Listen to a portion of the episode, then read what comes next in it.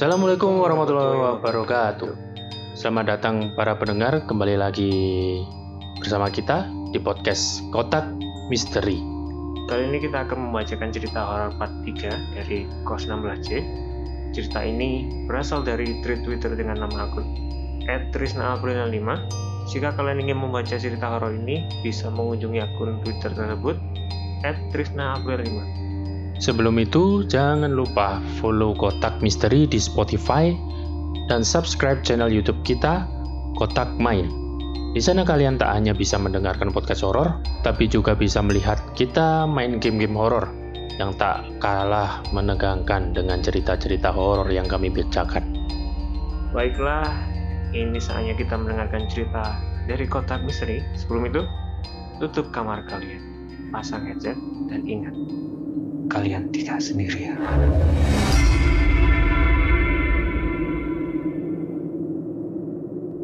Awal 2015, memasuki semester 4. Salah satu teman SMA aku yang kuliah di Malang juga pindah ke kosku. Sebut saja namanya Put. Dia menempati kamar di lantai dua.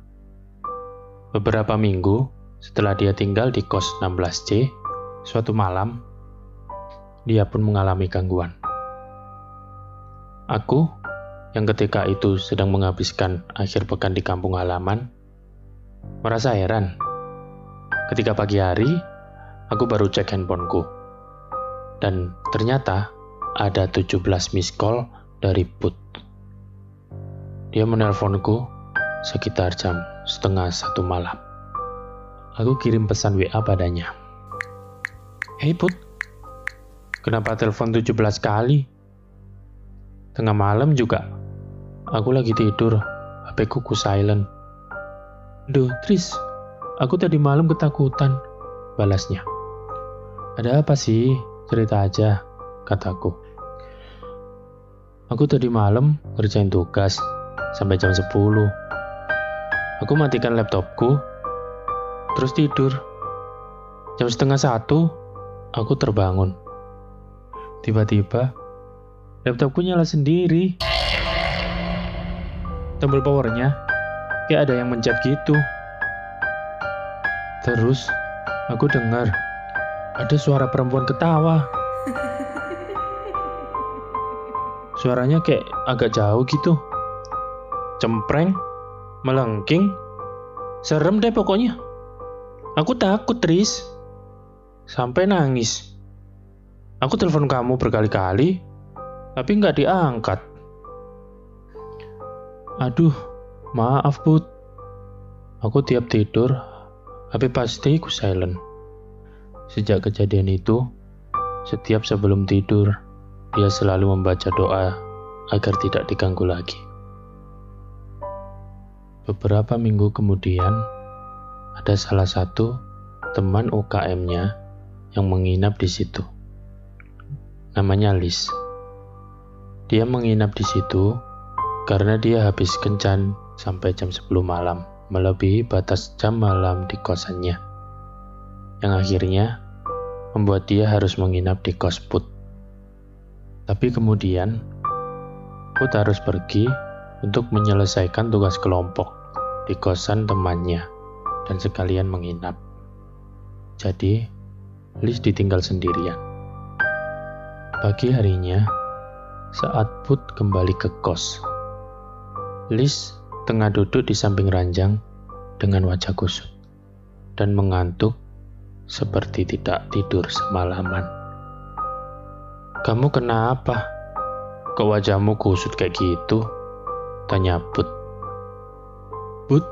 Kosanmu mantap, jawab Liz. Mantap gimana? Tanya Put kembali.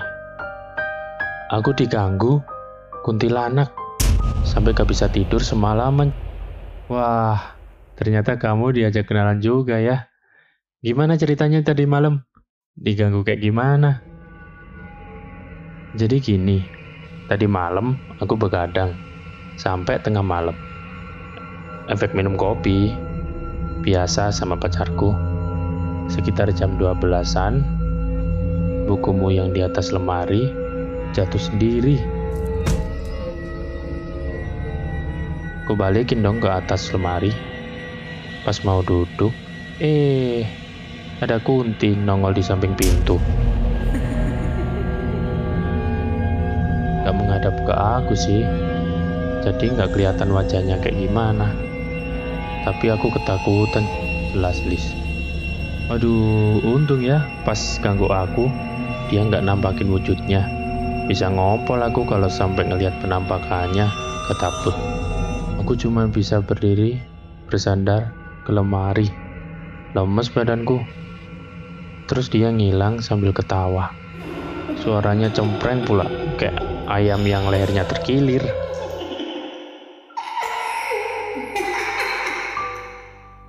Ya udah, ayo beli sarapan di pasar pagi situ. Aku lapar, ajak Put. Enggak deh, aku ngantuk, mau tidur aja, jawab Liz.